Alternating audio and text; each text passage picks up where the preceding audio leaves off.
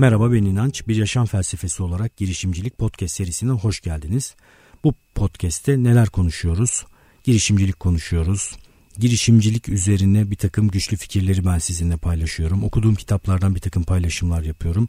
Deli gibi öğrenen bir insan olarak sürekli öğreniyorum ve bu öğrendiğim şeylerden seçtiklerimi, uygun olduğunu düşündüklerimi, girişimcilikle ilişkili olduğunu düşündüklerimi sizinle paylaşıyorum. Biraz farklı bir giriş yapmaya çalıştım. Oldu mu acaba? Yani en azından bir miktar farklı. Farklı giriş yapmak da zor bu arada. Yani bir şekilde odaklanıyorum ve e, adımı söylemem gerekiyor. Çünkü bu podcast'te bu bölümden başlayıp takip edenler de var. Yani doğrudan bu bölümle başlayan birini düşünün şimdi. Hemen doğrudan bu bölümden başlayan o kişiye şunu söylüyorum şu anda. Birinci bölümden başlamadan bir şey anlamak mümkün değil. Hızlıca birinci bölüme gidip oradan itibaren ilk 10 bölüm oldukça önemli. Bence tekrar tekrar dinlenmesi gereken ilk 10 bölüm. Herkes tekrar tekrar dinleyebilir. Çünkü hayata geçirmesi zor bir takım felsefi ve derinlikli güçlü fikirler, düşünceler var. Ee, önemli felsefecilerden, yazarlardan. Sonra istediğiniz gibi sıçrayarak atlayarak devam edebilirsiniz. Bir önceki bölümde açma ve kapama modundan bahsettim. İnsanın bu iki modu kendi bünyesinde bulundurması gerektiğinden de bahsettim. Yani yaratıcı ve oyunsu ve sanatlı açma modu ve analitik sonuçta bizi götüren analitik mod, kapama modu. Eğitim hayatınız sizi sizin yaratıcı bir insan olmadığınıza inandırmış olabilir. Ya da sizin matematikten anlamadığınıza inandırmış olabilir. Size hem üzücü hem sevindirici bir haberim var. Sevindirici haberim şu yanlış bir şeye inandırmışlar sizi. Çünkü böyle bir şey yok.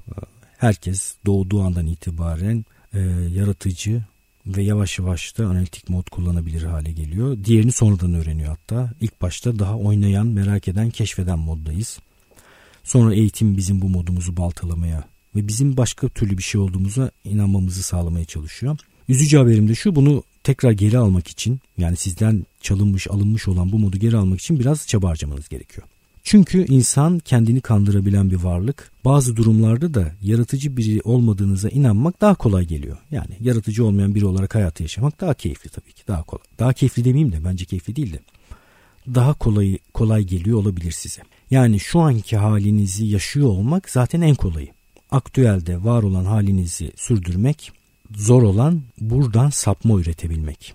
Gerçekten çok değerli bir şey ama sapma üretmek. Yani hiç kimse müdahale etmeseydi her nasılsanız öyle gideceğiniz bu halinize çeşitli düşüncelerle, fikirlerle sapmalar üretmek çok değerli. Benim en çok heyecanlandığım şey bu zaten.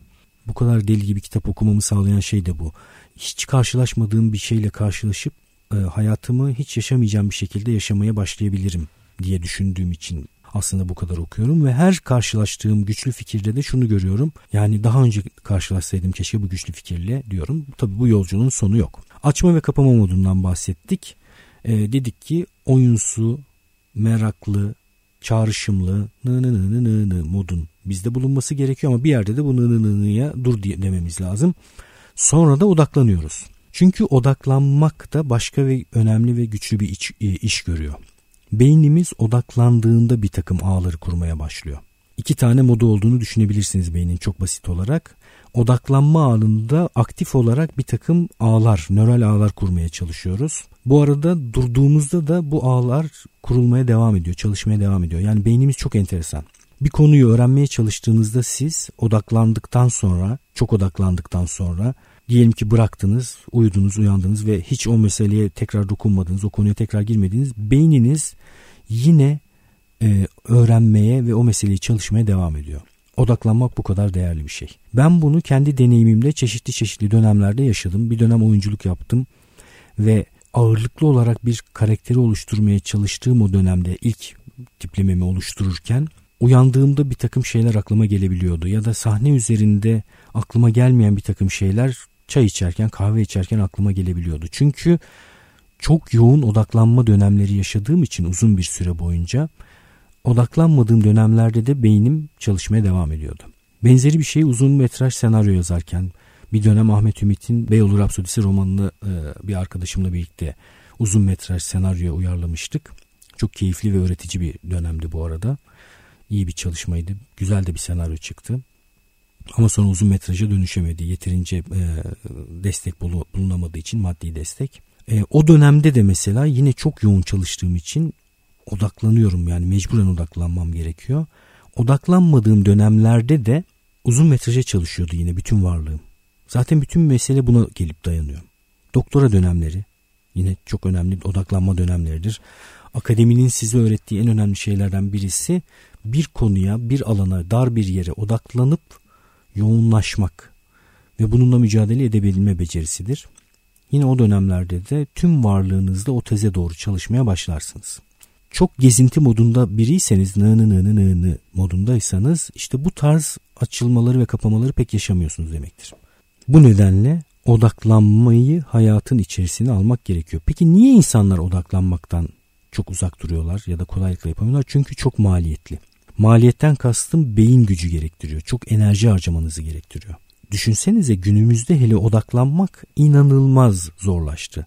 Nedeni de şu attention ekonomi deniyor buna. Dikkat ekonomisi bir takım ürün ve hizmetleri bize ulaştırmak için dikkatimizde alan kapmaya çalışıyor her, herkes. Sosyal medya, reklamlar, televizyon, radyo, billboardlar yani metrobüste ayakta duruyorsunuz yine boş duramıyorsunuz. Çünkü karşınıza bir tane ekran konmuş.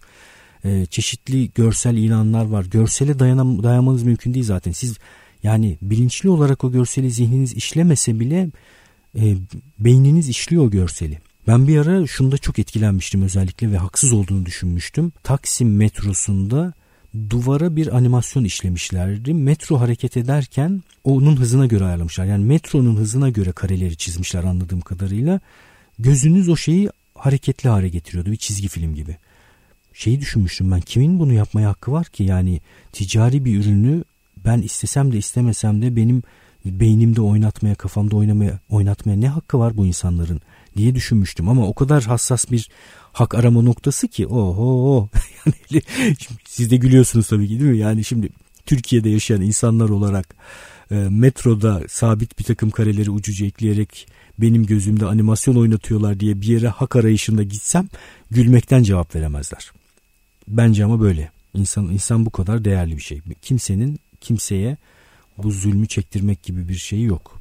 Hakkı yok bence. Çünkü ben metroda ayakta duruyorum, gözüm açık ve o duvara bakıyorum. Kafamda animasyon çalışıyor yani. Beynime benim animasyonu soktun zorla.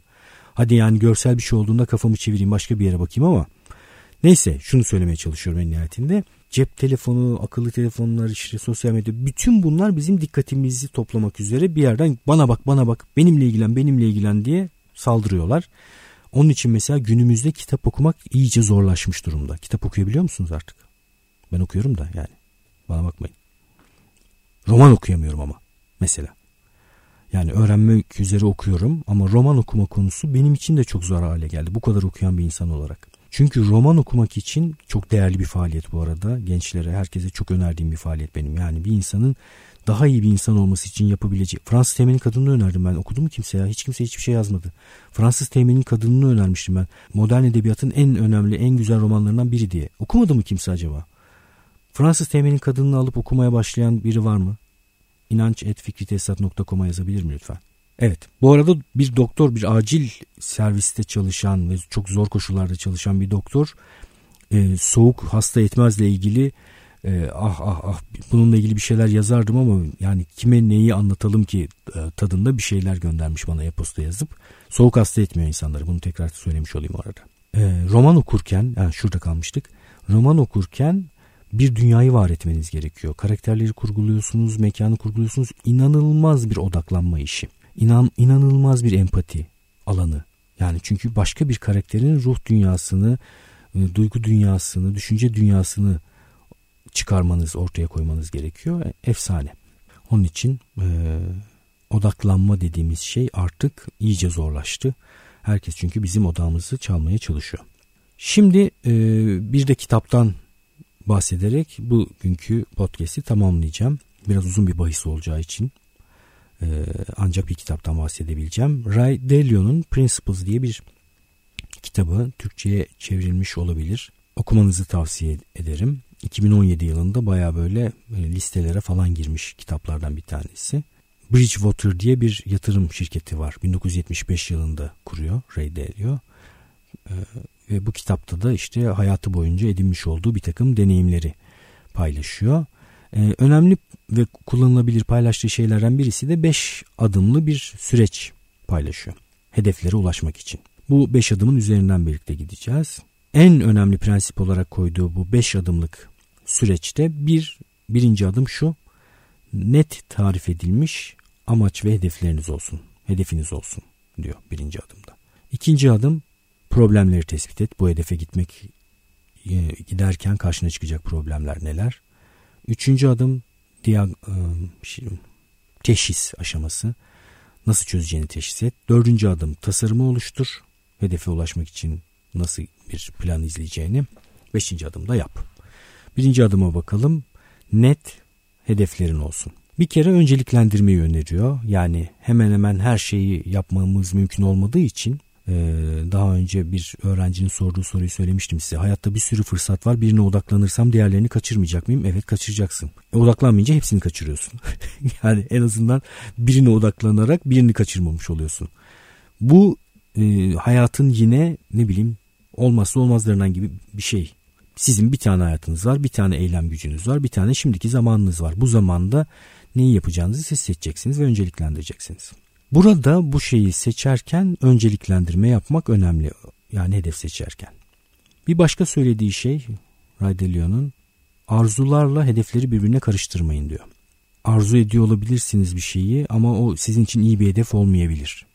Önemli olan sizin için doğru olan, iyi olan hedefleri seçmenizdir. Sonra ikinci maddede problemleri tespit edin diyor. Yani bu amaçlara giderken gitmenize engel olacak problemleri tespit edin diyor. Ve bu problemleri tespit ederken de şunlara dikkat edin. Acı verici sorunları potansiyel iyileştirme alanları olarak görün diyor. Yani o problemi gidermek sizin için zor olabilir ama zor olması bunun sizin için iyi olmayacağı anlamına gelmez diyor. Bununla ilgili enteresan bir şey anlatayım bu arada. Benim tütüncüm Cemil, Cemil'e uğruyorum arada. İsmini kullanabileceğimi söyledi onun için ismini kullanıyorum. İşleri gayet iyi gidiyor bu arada. Yeni bir girişim düşünüyor hatta. Ve geçenlerde de bir kitap gördüm elinde. Zengin Baba Zengin Baba olmak mı? Zengin Baba gibi. Adını tam hatırlamıyorum ama yine finans açısından e, çok önerilen kitaplardan bir tanesidir. Çok roman okuyordu normalde Cemil. Artık biraz kendimi geliştirecek, işimi geliştirecek şeyler de okumaya başladım dedi. Bu, bu da beni sevindirdi çünkü işini iyi hale getirmek de onun için e, keyif alabileceği bir şey haline gelmiş demek ki. Oradaki bir fikirden bana bahsetti. Bir şeyleri yapması başta zor ise daha doğrusu şöyle başta yapması zor olan bazı şeyler hayatın ileri noktalarındaki dönemlerini kolaylaştırıyor. Başta yapması kolay olan bazı şeyler de hayatın ileri noktalarını zorlaştırıyor. Efsane ve berrak ve güçlü bir fikir. Yani mesela örnek vereyim.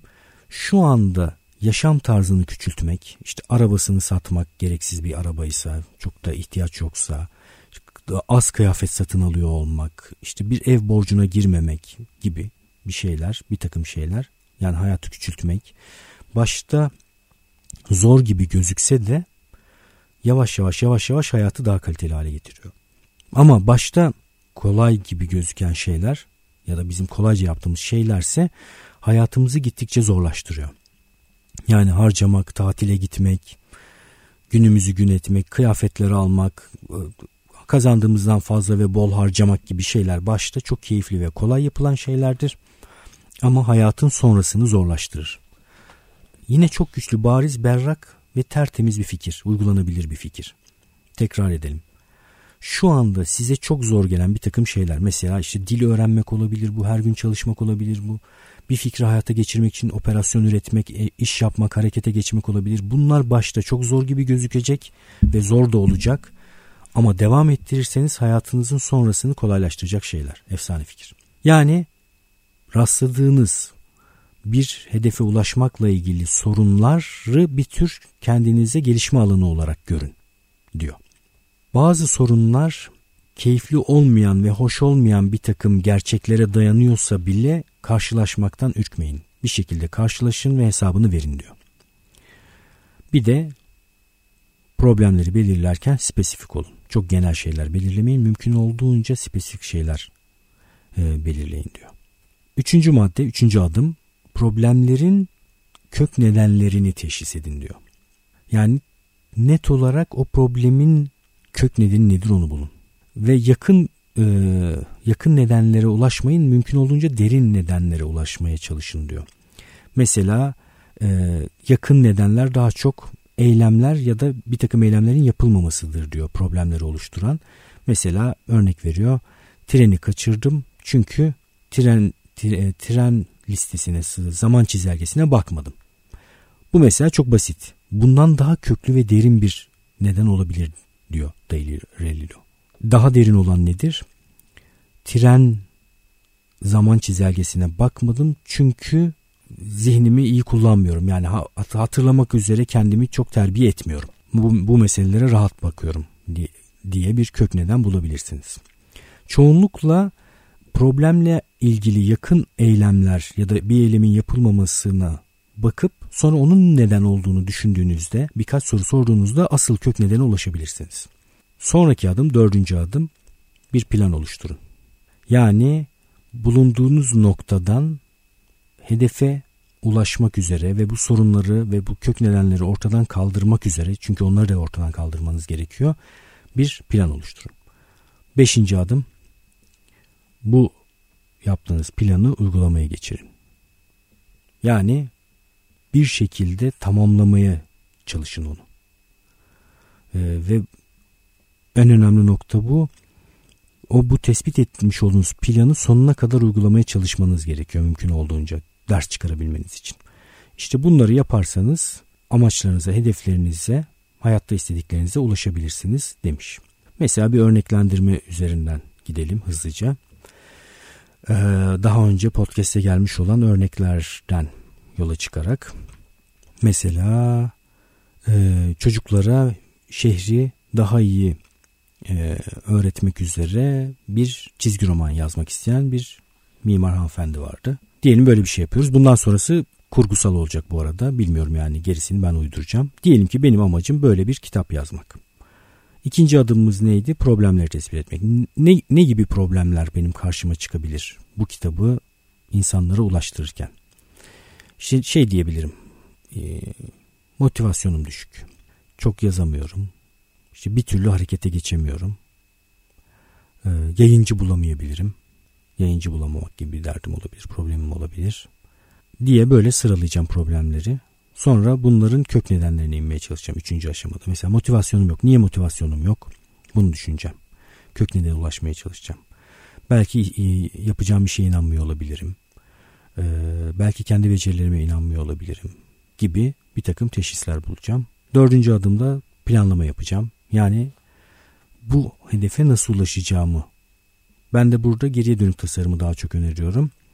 Yani kaç sayfalık bir kitap yapacağınızı ve hangi tarihte yayınlayacağınızı tespit edip oradan geriye doğru giderek bunu haftalara böl bölebilirsiniz mesela. Beşinci aşamada da yapacaksınız. Bunu hayata geçireceksiniz.